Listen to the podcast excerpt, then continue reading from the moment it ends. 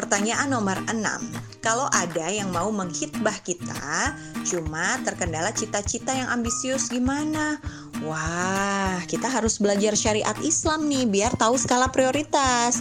Di dalam syariat Islam itu kan ada wajib sunnah mubah makruh haram ya gitu. Jadi kita melakukan satu perbuatan yang wajib-wajib dulu gitu. Sebenarnya yang dimaksud cita-cita nih apa nih gitu. Uh, untuk laki-laki atau untuk perempuan, apakah terkait dengan pekerjaan? Padahal kan menikah itu adalah sunnah Rasul ya, separuh dari agama.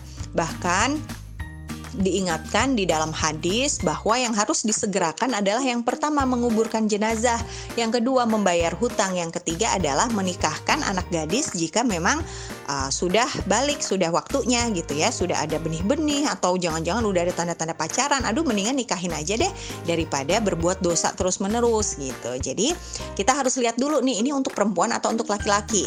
Kalau untuk uh, ya sebenarnya sama aja perempuan dan laki-laki kalau sudah waktunya apalagi sudah pacaran itu mendingan nikah aja. Nah, masalah cita-cita ini kan bisa sambil jalan. Apalagi kalau untuk perempuan sebetulnya bekerja itu hukumnya mubah aja gitu ya mubah itu di bawahnya sunnah tidak diperintah tapi juga nggak dilarang sama Allah sedangkan kalau menikah itu diperintahkan oleh Rasulullah gitu ya barang siapa uh, yang tidak menikah dia bukan uh, umatku kata Rasul gitu diingetin tuh ditegesin jadi ya kita sebetulnya lebih baik mendahulukan pernikahan, apalagi kalau kita yang perempuan ya. Kalau laki-laki mungkin oke okay lah ya harus mempersiapkan pekerjaan terlebih dahulu. Tapi jangan salah loh, sebetulnya menikah itu justru akan melancarkan rizki. Nah masalahnya kita trust nggak sama Allah gitu ya. Kita yakin nggak sama Allah.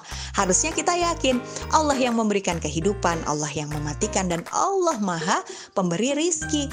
Dan setiap makhluk hidup itu pasti dijamin rizkinya. Jadi kalau kita mau menikah kita nggak usah takut gitu ya nggak punya duit segala macam menikah pun itu sebetulnya biayanya bisa kok kita apa ya namanya kita ambil yang paling sederhana aja. Sunahnya apa sih gitu ya? Yang diperintahkan apa sih oleh agama? Yang diperintahkan adalah walimahan sederhana gitu ya. Walimahan itu adalah menghalo-halo apa ya istilahnya. Ya ada resepsi syukuran kecil-kecilan untuk memberitakan kepada masyarakat bahwa sudah ada pernikahan loh agar tidak terjadi fitnah gitu. Jadi nggak perlu juga kita ribet gitu. Itu kan sebetulnya yang bikin ribet adalah tuntutan-tuntutan masyarakat gitu ya. Nah, semoga dimudahkan untuk menuju jenjang pernikahan. Semoga bermanfaat buat semuanya. Wassalamualaikum warahmatullahi wabarakatuh.